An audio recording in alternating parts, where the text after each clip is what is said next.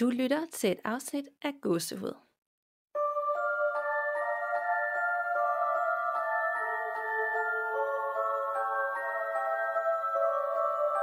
Hej Nana. Hej Danika. Og hej derude, og velkommen til episode 83, et øh, rent lytterforretningsafsnit med en masse gåsehudsfremkaldende historier og uhygge. Ja, yeah, det er dejligt at være tilbage med sådan et øh, godt lytterforretningsafsnit. Det er det nemlig, og det har været fantastisk igen at gå ind i mailindbakken, og så bare læse en ene forretning efter den anden. Øh, og det er, det, er jo, det er jo altid svært for os at, at vælge ud, øh, hvad vi skal have med, fordi der er simpelthen så mange uhyggelige ting, der er blevet oplevet ude i, i det danske land. Ja, det er der. Det er virkelig en fornøjelse at læse. Øhm, ja, en uhyggelig fornøjelse. Præcis, og vi plejer egentlig at sige det her til sidst, øh, med at man meget gerne må sende lytterberetninger til os, men det kan være, at vi skal sige det nu, sådan at vi er helt sikre på, at dem, der lytter med, de faktisk får med, at man kan sende sin historie til os, hvis man har oplevet noget. Ja. Og det er jo på vores mail, gåsehudpodcast.gmail.com, og det er gåsehud med to A'er. Øh, vi har rigtig mange beretninger derinde, men vi vil altid gerne have ekstra. Øh, det kan vi faktisk ikke få nok, jeg skal være helt ærlig. Nemlig. Så, øh, men Anna, er der sket noget siden sidst, inden vi går i gang med dagens lytterberetninger? Jamen, øh, altså faktisk er der ikke sket det helt store. Øh, det har været sådan lidt, du ved, skygger ud af øjenkrogen, men, men, men alt muligt ting, der sikkert godt kan forklares. Ellers er der ikke sket det store, uhyggelige hos mig. Hvad med hos dig? Øh, nej, det er sådan lidt det samme. Altså jeg føler bare, det måske det er også fordi, at man bliver mere cool med tiden, og det bliver sådan ligesom en del af hverdagen, når man begår sig i den her verden. Ja. Yeah. Fordi jeg synes også, der har været, altså der har været, jeg har også oplevet på et tidspunkt sådan et, øh, lige da jeg skulle til at falde i søvn, og igen, så prøver man at bortforklare det, men sådan et tydeligt hej ude for stuen, øh, hvor alle var gået i seng, og så er jeg begyndt at høre sådan meget, hvor jeg tænker sådan, nu er der et af børnene, der er stået op og gået rundt. Øh, ja. Men hvor der så ikke er nogen, men det lyder virkelig tydeligt som en, der går for, stuen hen mod soveværelset, og så stopper det der, og så er der ikke nogen. Og så er jeg sådan ude at kigge, og så går jeg tilbage, og det kan sådan ske, ikke hver eneste aften og nat, men sådan forholdsvis hyppigt, og det ligesom have bekræftet, jeg har jo altid tænkt, at her kan ikke blive, der kan ikke være ånder i mit hjem, fordi det skal jo være knyttet til noget, et gammelt hus, hvor der er nogen, der ja. er døde, og der skal være sket et eller andet, for ligesom ja. det kan ske. Og der er jeg virkelig øh, erfaret, at, øh, at det har nok hele tiden været der, og det er det nok for alle mennesker, men jeg er bare blevet mere bevidst om de der små lyde og signaler, som jeg måske ikke har registreret før. Jamen, det kan jeg sagtens følge dig i. Jeg tænker også, vi har snakket om før, at, øh, at du tænkte, at der ikke kunne være noget der, fordi det er sådan noget nybyg, du bor i.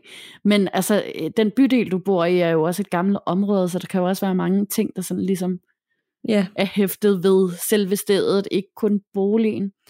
Men det, det er sjovt, jeg har nemlig også lige fået et par nye naboer, øh, en på hver side, og jeg kan virkelig mærke, at jeg også skal vende mig til deres lyde, fordi jeg kan virkelig også tit blive forskrækket og tænke, hvad var det? Det var noget inde i min lejlighed, og så var det bare naboen, der lige sådan, de har nogle andre rutiner, end, end det jeg er vant til fra de gamle naboer, ikke? Ja. Så ja. ja, ja, helt klart. Øhm, og når du siger det der med, at, at der kan være sket noget der, altså inden det her var bygget, ja. det er jo også rigtigt, fordi nogle gange så glemmer jeg lidt, jeg bor lige ud til Amagerfællet. Ja. Øh, altså det er sådan 10 meter på den anden side af vejen, og, øh, og der er jo bare igennem tiden, altså jeg vil slet ikke tænke over, hvor lang tid det går tilbage. Der er jo også nogle, øh, altså der har været grave derude helt tilbage, tænker jeg, sådan fra øh, øh, med vikingtiden. Og mm. så har der bare været, især med 2. verdenskrig, har der været en, en masse likvideringer derude. Ja, ja. Øh, med modstandsfolk og sådan noget, der er blevet slået ihjel. Og ikke, det nødvendigvis har en relation til det, men man, sådan er det jo nok alle steder, så har der jo været et eller andet. Og det glemmer man lidt, når man føler sig så sikker i sin nye lejlighed. Her er man bare helt safe. Ja, det, nemlig altså man er jo også sikker, ikke? Men du ved, der kan jo stadig godt bare være ting, og det er okay. Altså det er ikke sådan, det er ikke sådan, jeg tænker, yes, hvis jeg tænker, hvad var det, eller registrerer et eller andet, fordi det er altid sådan, når man slapper af om aftenen og har god tid. Det er jo ikke i løbet af dagen, når man er travlt og får ordnet alle mulige praktiske gøremål. Det er altid, når man bare ligger og ikke har lyst til at høre det. Ja, netop. Så, men det er okay. Og det kan være, at vi lige skal skal sige højt, at øh, vi ikke er interesseret i at invitere noget negativt ind, eller noget ikke velkommen, og, øh, og vi øh, befinder os i det hvide lys, og passer på os selv, og det tænker jeg også, jer derude, der lytter med, lige skal tænke, sige højt, øh, hvis det er. Nemlig, det skader jo i hvert fald ikke. Nej, det gør det ikke. Men øh, inden vi går i gang med dagens afsnit, så øh, skal vi atter byde velkommen til vores samarbejdspartner og sponsor HelloFresh. Og øh, HelloFresh er den her smarte og fleksible måltidskasseløsning, hvor du hver uge vælger mellem 15 lækre retter, som sendes direkte til din dør. Det smager hammer godt, det kan vi begge to skrive under på, og det er nemt at lave, og der er noget for alle. Vi tæller både familievenlige retter, orientalske retter, vegetar, sund mad, premium-retterne og de kalorielette. Så øh, det er virkelig det hele at lige tage at sammen til et måltid, hvad enten du bor der selv, eller du bor sammen med nogen, eller det skal være til hele din familie. Og du kan også altid springe uger over, eller holde pauser, når du vil. Og vores samarbejde med HelloFresh, det gør det muligt for os at producere gåsehud, så endnu en gang kæmpe stort tak, fordi du støtter os ved at bruge de rabatkoder, vi skaffer til dig. Du får nemlig som lytter af gåsehud op til 725 kroner rabat på dine fire første kasser med koden HELLOGH, og det med store bogstaver, hvis du vel at mærke er ny kunde hos HelloFresh.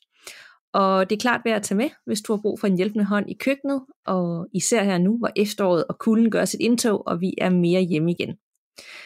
Men Nana, hvad har du øh, fået at spise her på det seneste? Jamen, øhm, jeg holder mig stadig til de der gode, nemme, hurtige retter, som ikke kræver så meget at lave, øh, og som er ret lette i det. Så det har været sådan noget kikærtesalat og falafelsalat. Øhm, og så er det også bare vildt glad for, at der er så mange fiske- og kyllingeretter at vælge imellem, øh, og mange vegetarretter, sådan, så man ikke øh, fylder sig alt for meget med kød. Men så havde jeg også lige en god dag, hvor at, øh, jeg fik en rigtig god snasket cheeseburger derfra. De er altså også virkelig lækre. Ja, det er de bare. Det er, vi har også ja. til lige nogle gange lige tage den her bøger med. De har også en god æblebøger, vi har prøvet. Ja. Mm. Og ellers også, jeg er blevet ret fan af de der tacos, fisketacos. De har, jeg ved ikke, om du har prøvet dem? Nej, dem har jeg til gode at prøve, ja. Nej, de er virkelig gode med sådan en rigtig god dressing, og så kan det være sådan nogle sprøde rejer i nogle tacos. Det smager rigtig godt. Men øh, ellers så er vi også gået lidt mere efterårsvejen. Jeg kan godt mærke, at øh, nu er man mere sådan også lyst til rodfrugter, og en masse søde kartofler og gryderetter og sådan noget. Og der er uh, HelloFresh ja. heldigvis også up to date på det. Dejligt, at det, de følger virkelig god, godt sæsonerne, må man sige. Og hvis du sidder derude og endnu ikke har prøvet Hello Fresh, men er blevet fristet af den store begejstring, vi har for det, så får du som sagt op til 725 kroner i rabat på dine første fire kasser. Det eneste du skal gøre er at indtaste koden HelloGH med store bogstaver, når du betaler, og så leverer de til dørtrinnet i hele landet. Så det er altså super nemt og fleksibelt, og du kan altid ændre adressen, hvis du for eksempel skal op i sommerhuset, eller hvis du gerne vil springe en kasse over, når du ved, du ikke får tid til at lave mad derhjemme. Så god fornøjelse og velbekomme. Er du klar til ugens lytterberetninger? Jeg er så klar. Fedt. Jeg har nemlig en øh, beretning med her fra en anonym, og det handler om fattigården i København blandt andet. Og så er der også noget med en dyne, som ligesom sidder fast og presser sig ned omkring vores lytter. Så glæd dig. Uh, ja. Kære godset, jeg har næsten lige fundet jeres podcast, men er allerede super vild med den, og har for første episode gerne vil skrive mine oplevelser til jer. Jeg har samlet et par stykker op gennem årene, så jeg håber ikke, det bliver alt for langt. Og det kan simpelthen ikke blive for langt, hvis du spørger os.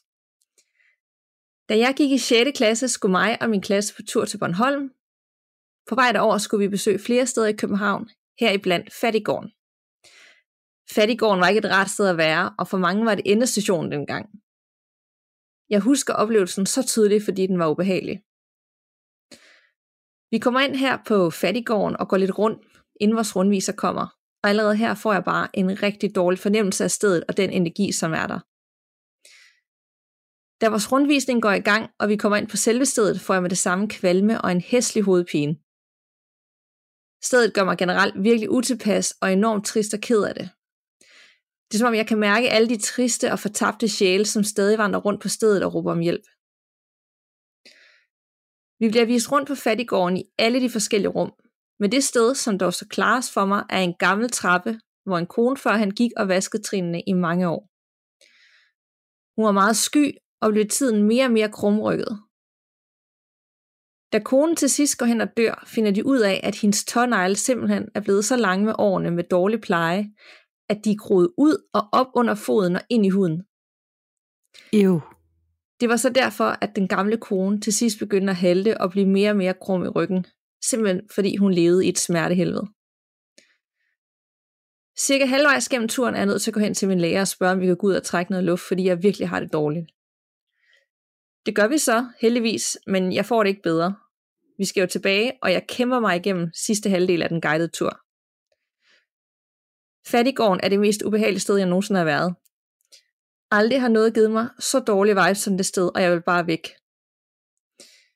Jeg kunne gå i detaljer om alle rummene, men det vil blive for langt. Hvis det lyder interessant, er det noget, man kan tage ud og opleve selv, men det er på eget ansvar. Og hvordan tror jeg så lige, man har det, når man et par år efter sidder og ser et program om de mest hjemsøgte steder i Danmark, og Fattigården er med som det første? Jeg er ikke i tvivl om, jeg kunne mærke noget derude, og jeg er helt sikkert heller ikke hverken den første eller sidste. Nå, videre til næste historie. Da jeg er 6 år gammel, blev mine forældre skilt. Efter et par år finder de begge kærligheden igen med nye partner, og jeg flytter min mor og papfar ud på min papfars forældres gamle gård. Min papfars far og hans kone flytter en lidt ældre bolig tæt på plejehjemmet, og her begynder han at blive dement. Sygdommen tager desværre hurtig fart, og ikke ret mange år efter vores flytning dør han. Alle er i dyb sorg, men vores liv går jo videre. Efter hans dødsfald føler jeg mig aldrig alene i vores store hus. Altid bliver jeg overvåget af nogen eller noget, nat og dag. Og jeg kunne virkelig ikke lide at sove på mit værelse, og det ender med, at jeg ligger med lyset tændt om natten. Helt præcis føler jeg mig overvåget for et bestemt hjørne af mit værelse. En nat ligger jeg mig til at prøve at sove med lyset slukket, hvor jeg beslutter mig for at vende mig om, så jeg ligger med hovedet ind mod væggen. Da jeg forventer mig ved at trække dynen til mig og putte mig, men det kan jeg simpelthen ikke. Jeg kan fysisk ikke trække dynen til mig, for det er som om nogen ligger på den. Jeg ligger og flår i dynen, men bliver pludselig iskold ned ad ryggen og mærker et pust i nakken. Jeg stivner. Derefter kunne jeg trække dynen til mig lige så fint, dog gjorde det, at jeg ikke faldt i søvn lige med det samme. Flere gange har jeg oplevet, at det føles som om nogen sætter sig tungt ned for enden af min seng. Altså som i at kunne mærke det fysiske madrassen, selvom jeg er absolut den eneste på værelset. Det ved jeg, at min søster også har oplevet, blandt andre ting. Min søster er den eneste, jeg kan snakke med om, da mine forældre siger, at vi bare har livlige fantasier, men vi er ikke i tvivl. Vi er sikre på, at det er hans far, som går igen. Nogle år senere begynder min papfars søster at opleve uforklarlige ting på deres gård, og beslutter derfor at få et medium ud. Medium fortæller den, at den person, som går og stryger hende på kinden og får tingene til at bevæge sig, er hendes far, der er på besøg. Han bor der dog ikke, men han er der kun for at tjekke, at alle har det godt. Da vi får den her besked, er jeg ved at skide og skræk. Fordi hvis han kun er på besøg, og vi bor i deres gamle hus, og jeg har deres gamle soveværelse, så er jeg ikke længere i tvivl om, hvem der er der på mit værelse. Jeg er til dags dato sikker på, at det var min parfars far, som kom og holdt øje med os, og at vores istandsættelse af huset blev gjort ordentligt. Den dag i dag er jeg flyttet hjemmefra og mærker sjældent noget ubehageligt. Måske er det, fordi jeg er blevet så god til at lukke ned og hyppigt gøre det for at passe på mig selv. Nå ja, det bliver lidt langt, men tag hvad I kan bruge, og tusind tak for en mega fed podcast, som skaber et frirum for os, der tror på, at der findes mere mellem himmel og jord. Jeg har flere historier, som jeg ser, om jeg kan få skrevet ned på et andet tidspunkt. Med venlig hilsen, den anonyme jøde. Uha, altså det, igen, det er sådan en meget situation, det der med at ligge i, i sin seng, og så kan mærke, at der er noget, og lige pludselig så bliver det koldt, og man mærker et pust i nakken. Øh. Ja, man, jeg får mig, at man ligger der og hiver i dynen, og så er den bare helt tung. Man kan virkelig ikke bevæge den. Bare følelsen af sådan, virkelig, bare et menneske, der ligger på dynen, så er den jo ikke til at flytte. Nej, nemlig. Det, det er da vildt ubehageligt. Helt vildt, altså. Selvom ja. at det var papfarens far, og derfor ikke er, er noget ondskabsfuld, så er det jo ikke stadig ikke en behagelig oplevelse. Nej, og det er klart, at øh, man lige skal vende sig til det, og at man bliver super forskrækket i starten, når det sker. Nemlig. Og så vil jeg lige sige fattigården. Altså, jeg er totalt hugt på at finde ud af, hvor det her sted er, fordi jeg kendte det ikke. Nej, altså det lyder som et sted, der kunne være ret interessant at besøge, hvis man kan det i dag. Ja. Øh, jeg lavede lige en hurtig Google-søgning imens, og øh, af hvad jeg kan se, så har der været flere fattigårde i København, og fattigård dengang var en form for... Øh, mindre hospital for de syge og fattige og gamle. Øhm, så jeg skal lige prøve at skrive til lytteren om, hvor det her sted specifikt øh, ligger, og om de stadig ikke har guidet turet.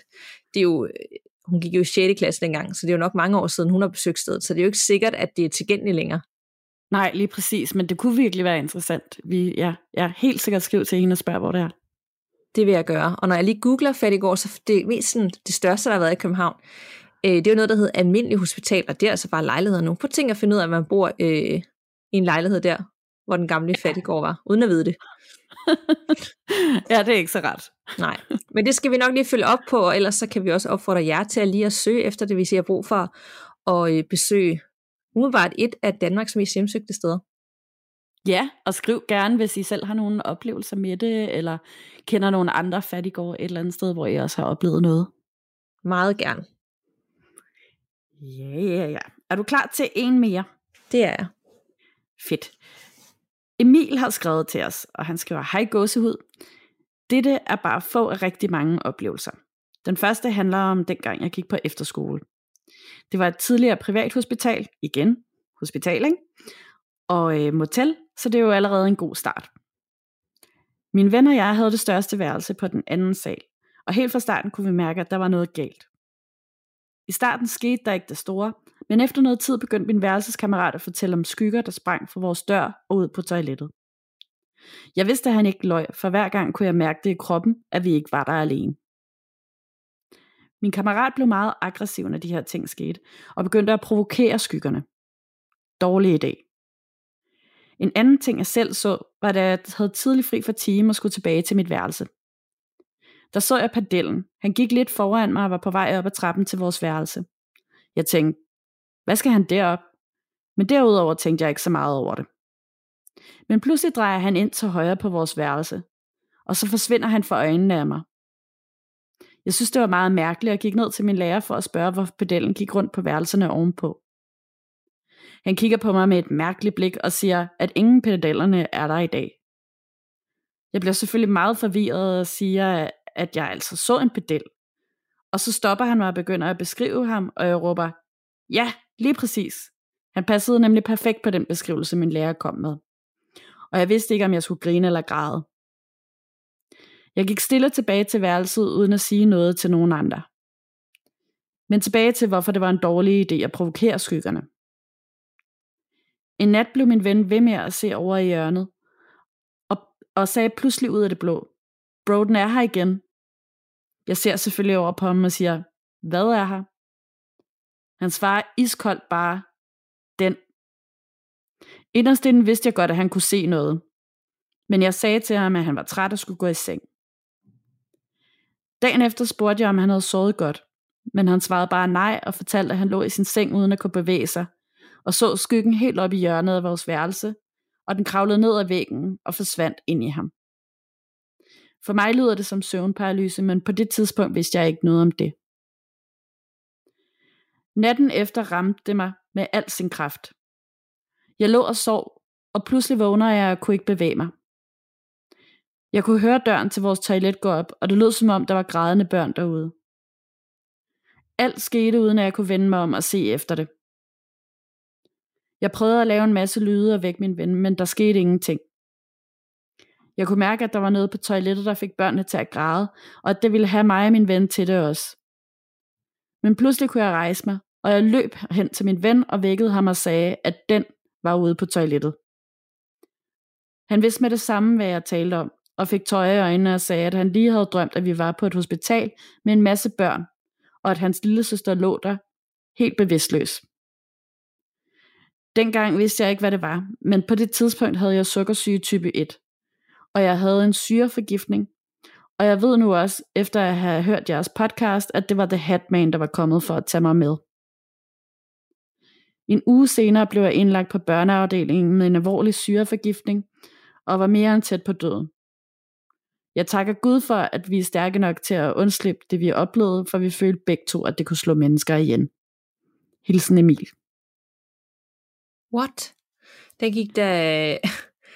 Jeg troede, der skulle være nogle overnaturlige hændelser ved den her efterskole, så bliver det pludselig meget voldsomt. Ja, det er sådan, det eskalerede ret hurtigt. Ja, det gjorde det nemlig. Øh, jeg, altså jeg fik også fornemmelsen af det der med, at det var skyggefolk. Jeg tænkte også først søvnparalyse, men omvendt, hvis de ikke har tendens til det, og de begge to oplever det på samme tid, og, og lidt har den samme drøm, eller hører de samme lyde, og ser den samme skygge. Ja. Ja, altså igen, det kan jo være hele den der psykologi-ting, øh, at, at den ene fortæller noget, og så er det noget af det samme, den anden oplever bagefter, fordi at det sådan ligesom sidder i underbevidstheden. Men ja, det er også bare lidt spøjs med de der børn, og når du nu har været et hospital før i tiden. Ja, nemlig, og også den oplevelse med pedellen, som slet ikke var på arbejde, øh, og lægerne også ligesom kunne bekræfte, så der har jo tydeligvis været noget aktivitet på det her sted. Ja, og nogle andre, der har bemærket noget af det samme, eftersom ja. at øh, ham læreren kunne, kunne komme med en præcis gengivelse af, hvordan han så ud. Men kan jeg vide, hvad intentionen var, og hvorfor den vil have den til at græde, og børnene til at græde? Altså, det lyder jo ikke som sådan en, en venlig øh, energi. Nej, det må man sige. Og jeg er nødt lige at tænke, åh oh, nej, ikke The Hatman. Altså jeg synes nærmest, at vi virkelig tit efterhånden har et eller andet med nogen, der har oplevet en form for The Hatman. Ja, det synes jeg også, vi har. Og hvis du ikke har lyttet til sidste uges afsnit endnu, så omhandler det netop skyggefolk og heriblandt The Hatman. Og det er simpelthen afsnit 82. Jeps, det kan vi godt anbefale at lytte til. Nå, så ikke en beretning. Jeg føler ligesom, vi er i gang øh, med de her ja. to. Det er uhygge-level meget, meget højt. Ja, det er det altså. Er du klar til endnu en creepy en? Det kan du tro. Og det er for Dorte, som selv arbejder som klaverjant. Uh. Hej Danika og Nana. Tak for en skøn podcast, som holder mig underholdt, når jeg laver mad, ordner noget i huset, eller er på min nattevagt på plejehjemmet. I gør det så godt, og jeg nyder at lytte til jeres fortællinger. Mit eneste problem med podcasten er, når jeg løber tør for afsnit. Jeg har skrevet til jer før, og jeg lovede at sende jer nogle af mine mange oplevelser. Jeg bor i Nørre Snede i Midtjylland i vores hus sammen med min mand og den yngste af mine to piger.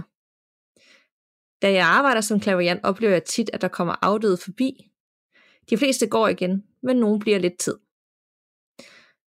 Jeg skulle en dag modtage hypnose af min mentor inden for platformsklaviance, og jeg havde sagt til min datter og min mand, hvad jeg skulle, og at jeg var i soveværelset og skulle have ro til det. Jeg lader mig til rette i sengen, åbnede chatten, og min mentor gik i gang. Jeg kunne mærke, at hypnosen tog sit tag i mig. Jeg blev meget afslappet og var kommet godt ned i et meditativt stadie, men ikke helt væk, da det var en let hypnose. Mens jeg lå der på ryggen, let og hypnotiseret i min seng, hørte jeg, at nogen tog i dørhåndtaget. Jeg ville ikke bryde hypnosen, så jeg ignorerede det. Men snart efter skete det igen. Der var en, der denne gang trykkede let på dørhåndtaget, og det skete for gange mere, og jeg lå nu og tænkte, at det var da vildt irriterende, specielt at havde bedt om ro. Endnu en gang hørte jeg en trykkende på dørhåndtaget, men denne gang gik døren op, og jeg hørte tre fire skridt i gulvtæppet fra døren og hen mod sengen, hvor jeg lå. Jeg tænkte igen, at det var træls, men jeg blev i hypnosetilstanden. Da det var overstået, rejste jeg mig så, og jeg så, at døren rigtig nok var åben.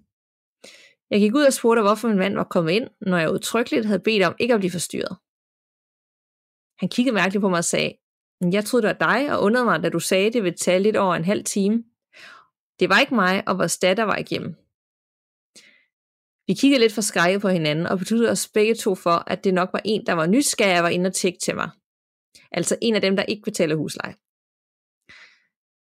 En aften ligger min mand og jeg i vores seng. Vi ligger i ske med mig forrest. Min mand har begge arme om mig, og vi ligger og snakker stille. Og pludselig, i en pause imellem vores snak, hører vi begge en hånd, der kører over stålet på vores sengs hovedgær. Lyden af en tør hånd, der kører hen over den robørstede stål. Vi blev meget stille, og hjertet bankede på os begge to, og vi spurgte i munden på hinanden. Var det dig? Vi svarede begge i munden på hinanden. Jeg har jo begge hænder på dig. Vi blev meget stille, og pludselig hørte jeg en stille, men ophidset visken ved mit ene øre. Vi sov med lyset tændt af nat. Min mand og min ældste datter har begge oplevet, at din periode blev rusket vågen af, ja, ingen. De kunne tydeligt mærke, at nogen ruskede den, og de vågnede hver gang og spurgte, hvorfor vækker du mig? Og i det, det ikke var mig, og ingen andre var i rummet, så fik vi en klaviant ud for at kigge på huset. Det var min daværende mentor, som har lært mig, hvad jeg kan i dag. Hun mærkede to ånder i vores hjem.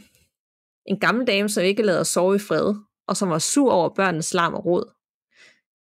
Vi fandt også ud af, at det var hende, der bankede i vores loft, som vi længe havde undret os over. Og ovenpå, hvor vi har soveværelse, var der en gammel vinduespusser, som havde tendens til at lure på damerne i byen. Han lurede på mig, når jeg kom fra badet, og når jeg klædte mig om. Jeg havde længe haft en ubehagelig fornemmelse af at blive overvåget derop. Så alt i alt gav det hele pludselig mening. Hun gik i gang med at få sendt den op, og da hun skulle sende den gamle dame op, begyndte hun at skrige, da damen havde så meget vrede og frustrationer i sig. Mens det skete, blev jeg svimmel og fik gåsehud over hele min krop. Det føles som tusind små champagnebobler, der for gennem min krop. Og den følelse får jeg stadig i dag, når jeg sender ånder over på den anden side. Vi kan den dag i dag ligge i sengen i vores soveværelse og høre, der er en, der går rundt og piller ved poser og gardiner og andre ting i soveværelset, og vi kan høre fodtrin i gulvtæppet. De stopper først, når jeg beder om, hvad mindre er, om at forlade mit hus og lade os sove i fred. Det skræmmer min mand ret meget, når det sker, og det er tændt til at ske, når jeg er på nattevagt, og han ligger alene i værelset. Der ringer han til mig, så jeg over højtaleren kan bede den over at forsvinde. Jeg synes, det er lidt sjovt, men det er også lidt synd for ham. Selv er jeg ved at være vant til det, da jeg ser og hører den omkring mig ret tit. Hyja, det bliver lidt langt, så jeg sender flere historier til jer en anden gang. Måske jeg skulle skrive om de gange, jeg har været på kirkegården kl. 2 om natten for at lave liveudsendelse på min TikTok-profil. Der er i hvert fald en historie at fortælle der. Igen vil jeg takke for en rigtig god podcast. Pas godt på jer selv og hinanden. Uhyggelige hilsner fra Dorte. Og PS, hvis I vil høre nogle uhyggelige fortællinger, som er sande, så kan I se den på min profil på TikTok, der hedder FIM Podcast. God fornøjelse. Og øh, Dorte, det er altså hende, som også har skrevet ind i Facebook nogle gange. Hun har selv også en øh, podcast om det overnaturlige, der hedder Fortællinger i mørket. Ah, helt sikkert. Jeg har ikke fået lyttet til den endnu, men det skal jeg, og så skal der helt klart også ind og følge hende på TikTok nu. Ja, jeg har ikke TikTok, så jeg, jeg kan ikke se sådan noget, men øh, øh, jeg ved i hvert fald, at øh, der er rigtig mange, der er glade for hendes podcast, Fortællinger af mørket, og der kan jo ikke være nok om sådan noget for os, der elsker det overnaturlige. Så, så tag et lyt, og øh, ja, giv det et lyt. Ja, helt sikkert. Ej, men det var, det, det var simpelthen så... Øh, jeg ledede mig fuldstændig ind i alt det der, og virkelig gode beskrivelser. Den der følelse af flere tusind små øh, champagnebobler i kroppen, sådan, det kender jeg godt. Ja, det var meget, øh, meget fedt at få sat ord på, fordi jeg, for, for os, der ikke arbejder som klaviant, det kan det godt være svært at forstå, hvad vil det sige at sende en ånd over på den anden side. Ja. Jeg kunne godt forestille mig, at man bare siger, nu skal du gå på den anden side, og så er det det. Men det er det jo ikke, det er jo, det er jo en følelse i hele kroppen. De jo nærmest ja. mærker den her energi gå igennem den, ikke? Så det var en virkelig god beskrivelse. Ja, helt sikkert. Det er bare så sjovt det der med, at det, det så ofte er sådan en sur gammel dame, der synes, at folk råder eller larmer eller et eller andet.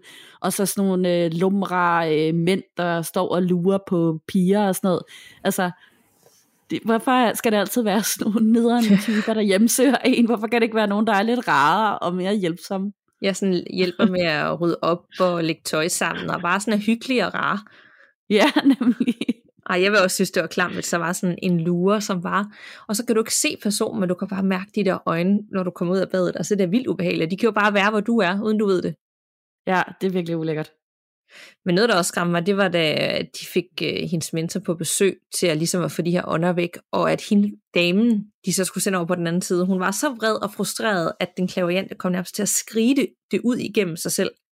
Ja, det var virkelig skræmmende. Det gav mig virkelig godset. Ja, uh, ja.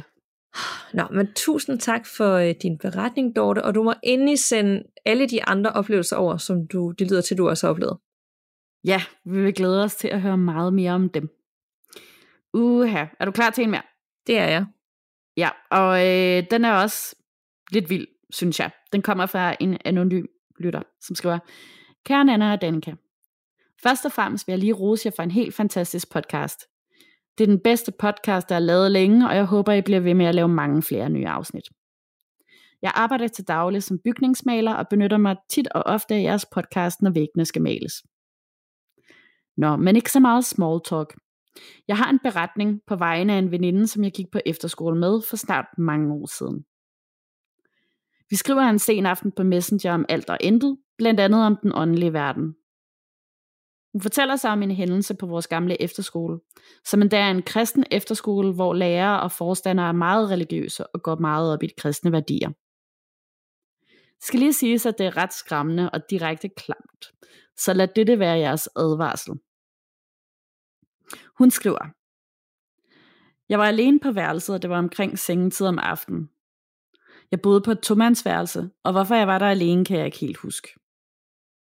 Værelset ligger tæt på den store fælles tv-stue, og jeg ligger og prøver at falde i søvn, efter at jeg havde skrevet godnat til min mor. Jeg har sat min mobil til opladeren og lagt den ved hovedpuden på min højre side. På et tidspunkt ville jeg vende mig om på højre side, men i det jeg skulle til at rykke mig, så kunne jeg ikke bevæge mig. Jeg lå bare der på ryggen i sengen med armene under dynen, og jeg kunne ikke rokke mig ud af stedet. Der ser jeg pludselig en person eller en ånd, der stod ved min venstre side af sengen. Det var en mand med en tynd skikkelse, og han bøjede sig hen over mig og holdt mig fysisk nede i sengen, mens han stirrede mig i øjnene og tvang mig til øjenkontakt. Nede i fodenden af min værelseskammerats seng sad der en anden person, eller en ånd. Den ånd skulle have været til min værelseskammerat. Det var en kvinde, som sad og så på mig, og det virkede som om hun holdt øje med manden og mig på samme tid, som om hun kontrollerede, at han gjorde sin pligt. Men på en eller anden mærkelig måde virkede hun uskyldig, hvor han var mere uhyggelig og troende. Foran hende sad der en på gulvet ved hendes fødder og snakkede. Det er svært at forklare, men det lød helt vildt uhyggeligt og hurtigt. Hen ved toilettet stod der også to andre kvindelige skikkelser, som også snakkede helt vildt uhyggeligt hurtigt til hinanden, som om de var midt i en privat samtale. Hen ved døren ud til bigangen var der ikke en tydelig ånd, men det var en kulsort røgagtig tåge. En stærk energi, som holdt døren lukket. På et tidspunkt gav manden slip på mig, så jeg kunne bevæge mig. Og i ren panik hoppede jeg hurtigt i tøjet, tog mine nøgler, min mobil og min oplader. Og så tager jeg mod til mig og løber hen imod døren, hvor togen eller energien var.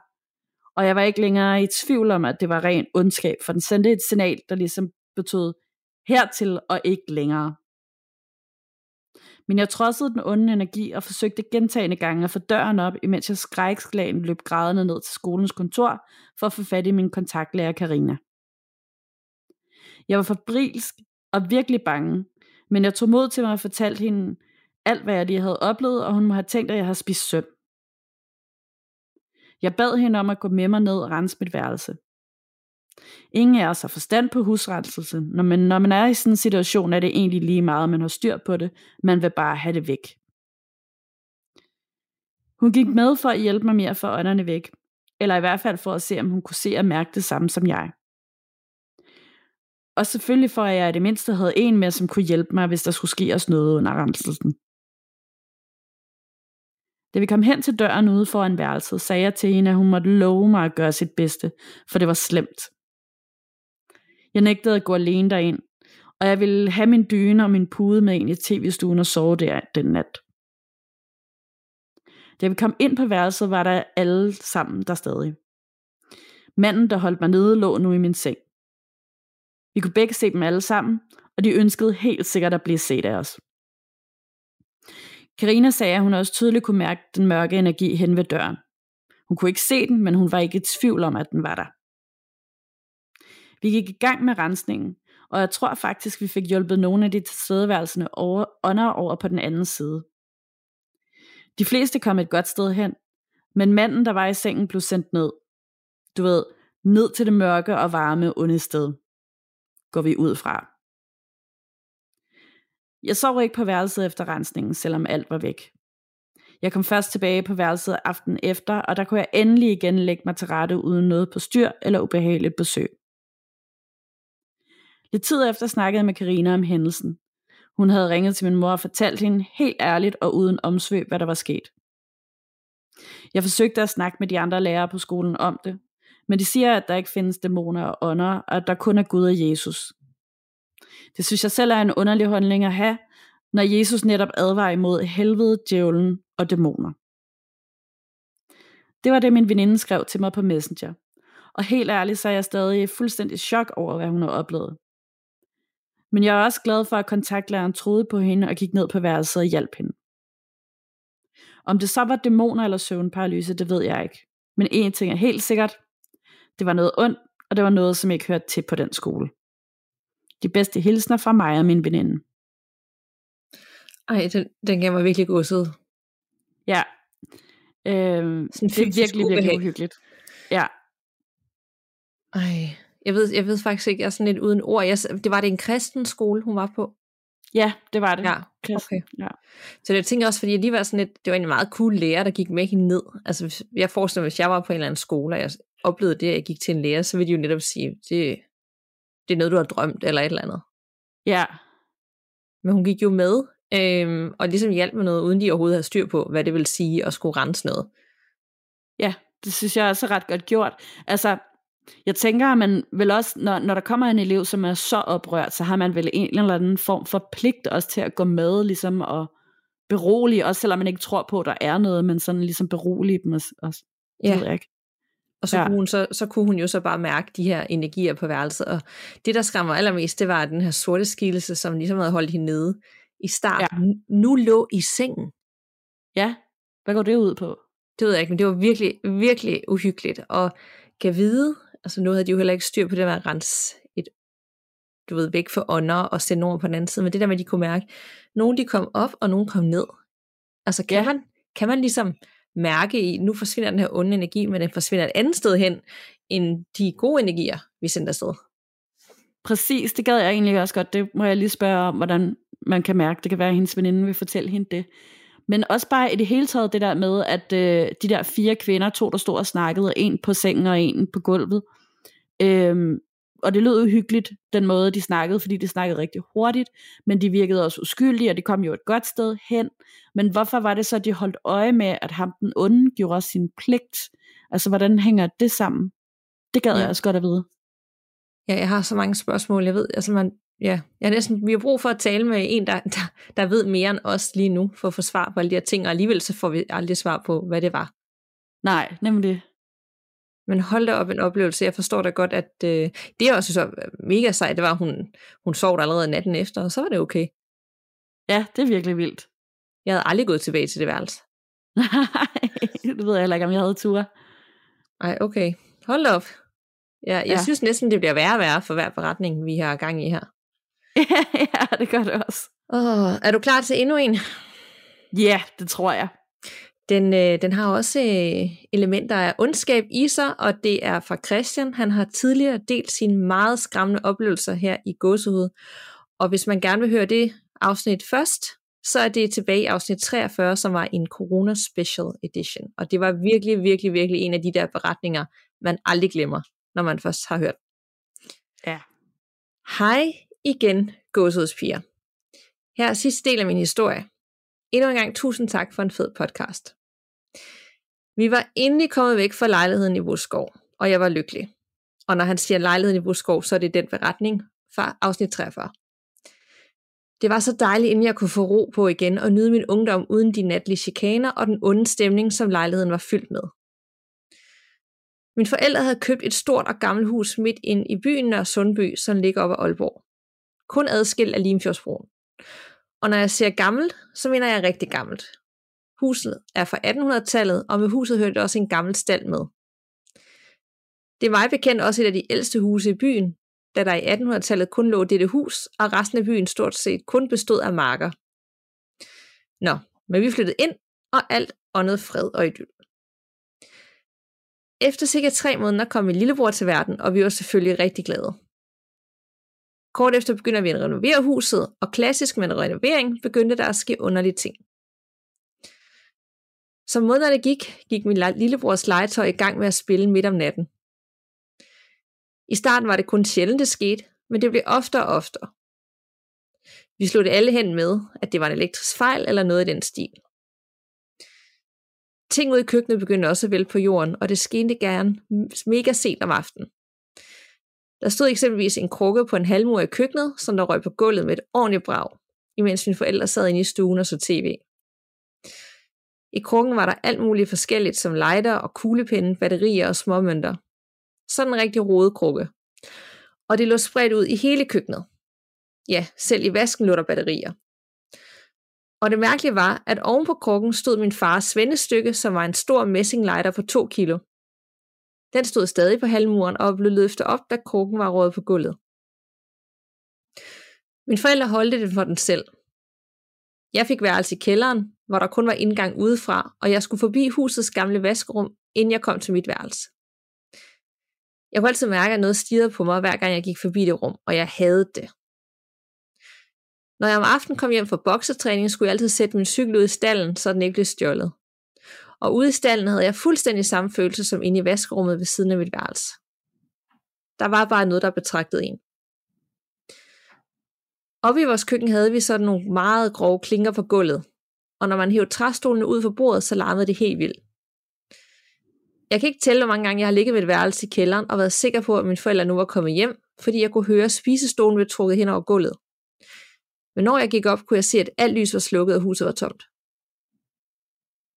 Min mor og jeg snakker tit om det her gennem årene. Men i forhold til de episoder, vi oplevede i den gamle lejlighed, var det jo ingenting, så vi gjorde ikke så meget ved det, udover at snakke om, hvad der skete.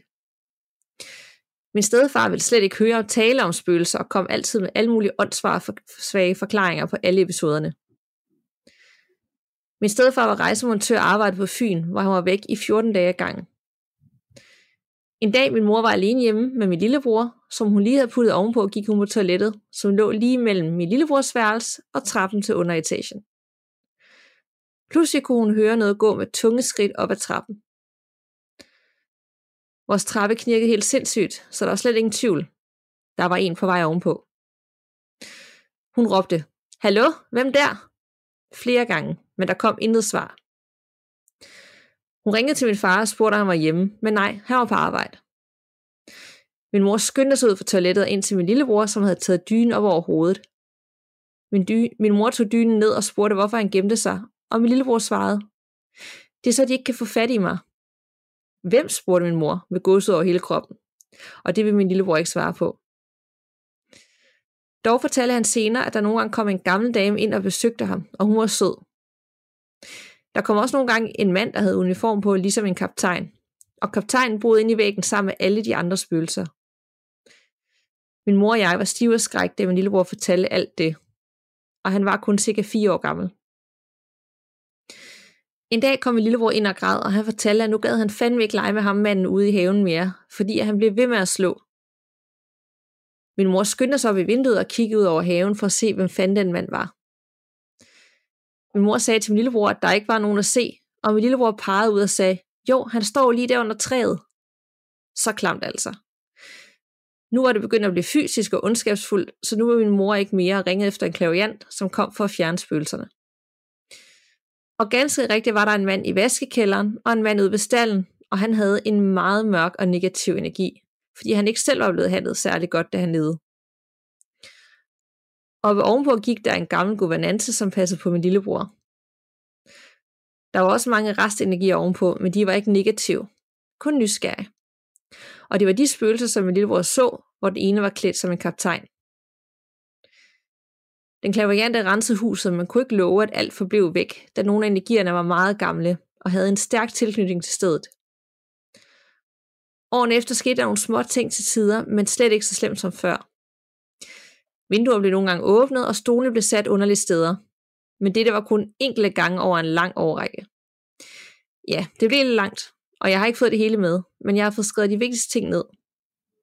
Må I alle have det godt, og jeg håber, mine minder gav lidt gåsehud trods alt. Mange hilsner fra Christian. Altså lidt gåsehud, det gav mig sygt meget gåsehud. Altså det, det løb mig decideret iskoldt ned ad ryggen, det der med legetøjet, der gik i gang af sig selv. Ad. Ja, og det, det, det er faktisk ikke sjovt, men den er jo, han siger jo også, den er jo ikke lige så uhyggelig som den anden.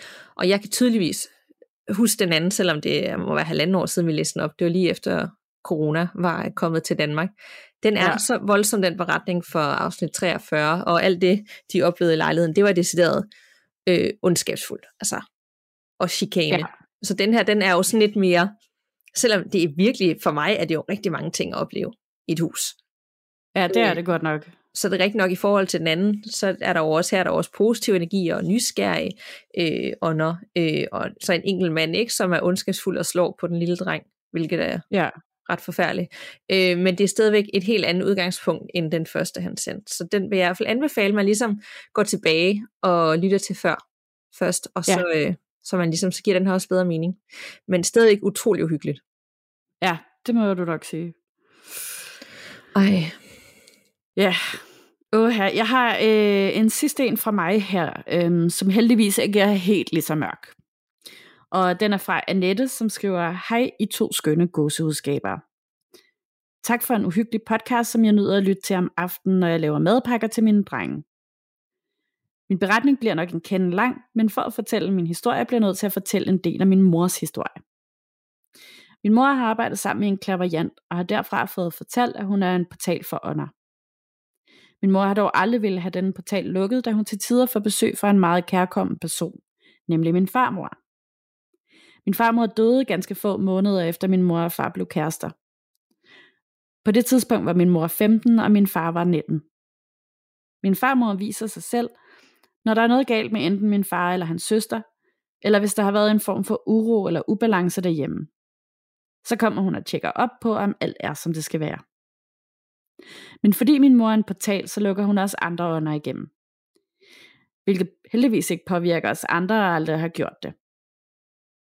Da der skulle gennemføres en stor renovering hjemme hos dem, i alle boligerne i deres kvarter, vågnede hun i nat og kunne se, at hele stuens loft var fyldt med svævende hoveder.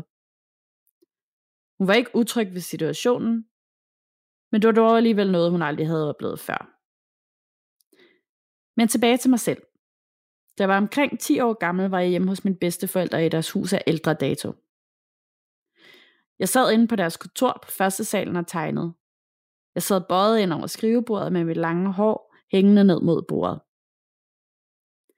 Pludselig var der nogen, der blidt tog mit hår og strøg det ned af min nakke, så det ikke længere hang ned mod bordet, men ned ad ryggen.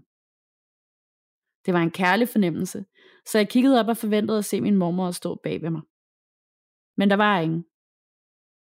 Jeg kaldte på min mormor, og hun stod nedenunder i køkkenet. En afstand, hun ikke kunne have nået at løbe på så kort tid. Jeg gik rundt i værelserne for at lede efter et åbent vindue, men alt var lukket. Så det kunne ikke have været gennemtræk.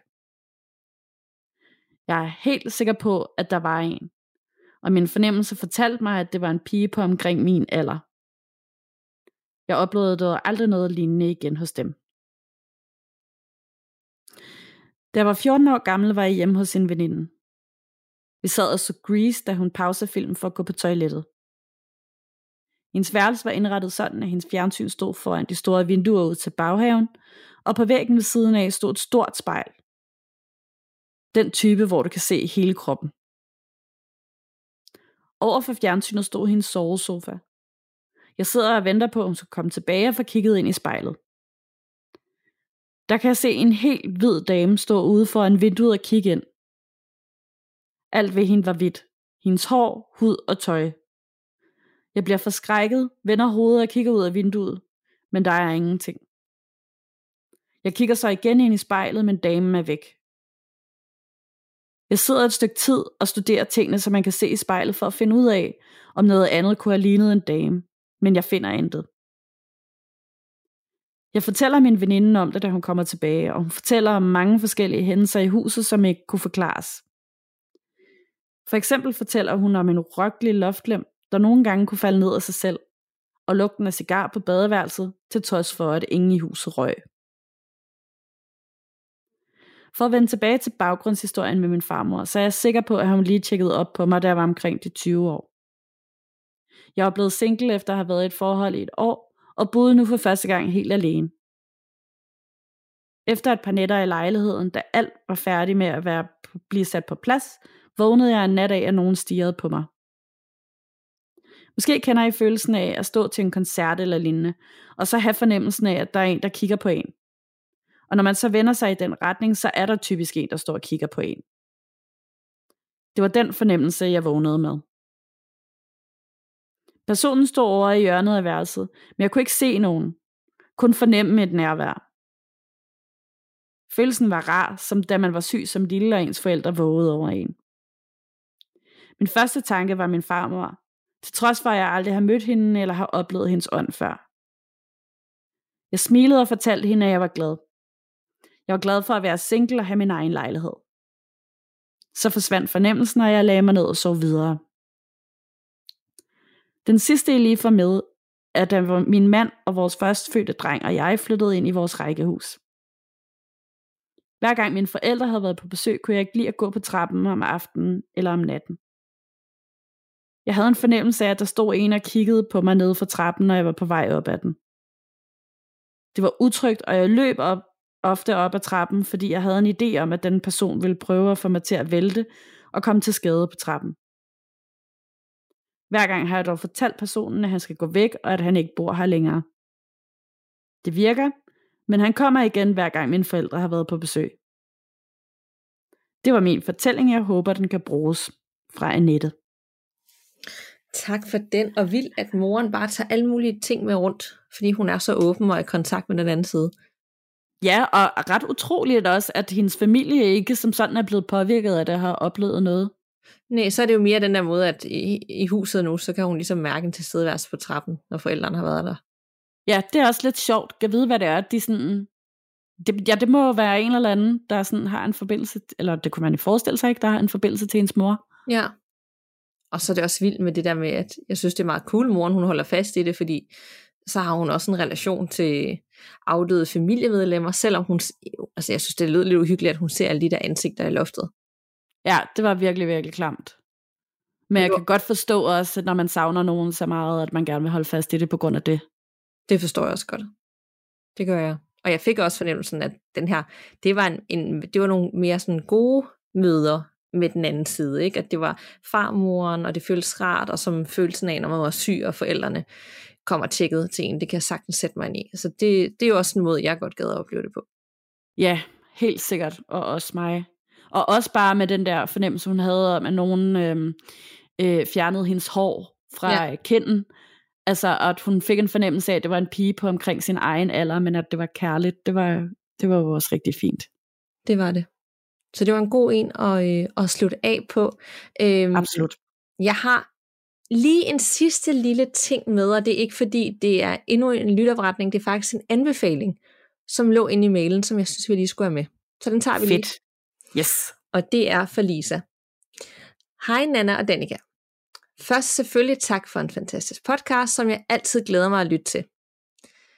I går så jeg en dokumentar på DR-appen, der hedder Marit i vågen tilstand, som handler om søvnparalyse, rumvæsener og andre væsener, heriblandt skyggefolk og The Hatman, som folk har haft besøg af, og det var altså pænt uhyggeligt og virkelig godt lavet. Jeg tænkte, jeg vil skrive det til jer som en anbefaling, fordi nogle af de ting er jo noget, I har talt om i jeres podcast og har haft lytterforretninger om. Måske ikke så meget med rumvæsninger, men så i dag var der jo pludselig nok en, der havde oplevet noget med rumvæsner. Så hermed en anbefaling til at se mig egne øjne, men i sikker afstand og måske i dagslys. Mange hilsner Lisa. Og den tog jeg simpelthen lige med, fordi et, vi har lige haft et helt afsnit om skyggefolk og The Hatman, og vi har også haft en beretning, hvor The Hatman har været forbi i dag, og øh, jeg tjekkede lige inden på DR, om den stadigvæk lå der, og det gør den. Den her dokumentar, der hedder Marit i vågen tilstand. Fedt. Den skal simpelthen bare ses. Jeg fik lige et kæmpe chok, jeg mens du læste det der op. Hvad skete ja. Jamen, der, det, det, det ved, jeg ved ikke, der skete et eller andet med din stemme, du ved, sådan ligesom, øh, altså fuldstændig ligesom i en gyserfilm, når oh, nogen sidder og lytter på et bånd, og så lyder det som om, at der er nogen, der sådan lige pludselig skriger. Sådan lød det lige pludselig, det var virkelig underligt. Altså som om jeg skreg? Eller? Ja. Ej, var det derfor, at du sådan, du var sådan tilbage og kunne høre, du ramme mikrofonen? Er det derfor? ja, jeg blev vildt forskrækket. Ej, ej, det skal jeg lige, når jeg sidder og redigerer det her, så skal jeg da lige uh, lytte tilbage, om jeg også skal høre det, eller det bare var hos dig. Jamen, jeg tror bare, det er det der forbandede program, vi sidder og optager i, der nogle gange laver de der glitches, ikke? Øhm, ja, det lød bare helt Det håber vildt. jeg også, fordi altså, alternativt, så fordi der lige var, lige kort var, var en ånd, der lige besat mig og skreg. ja, ej, det håber jeg virkelig ikke. Nej.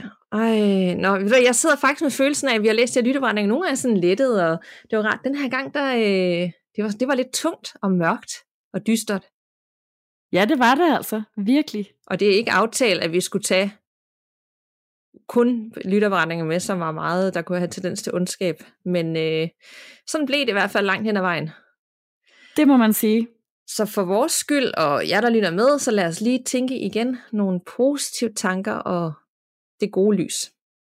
Yes. Og øh, du må også meget gerne, hvis du nyder at lytte med til godset, gå ind i podcast-appen på din telefon, og så give os en bunke stjerner. Det tager et par sekunder, men det gør en kæmpe forskel for os. Så hvis du ikke allerede har gjort det, så må du meget gerne gøre det.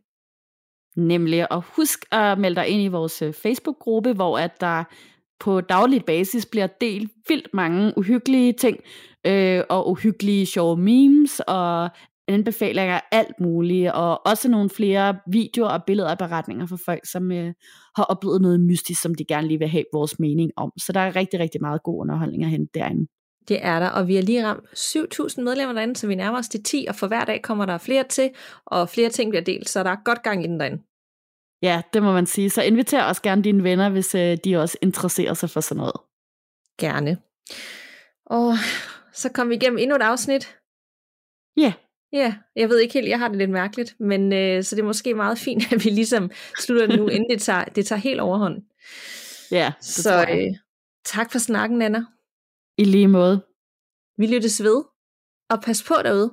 Man ved jo aldrig, hvad der venter bag den næste dør.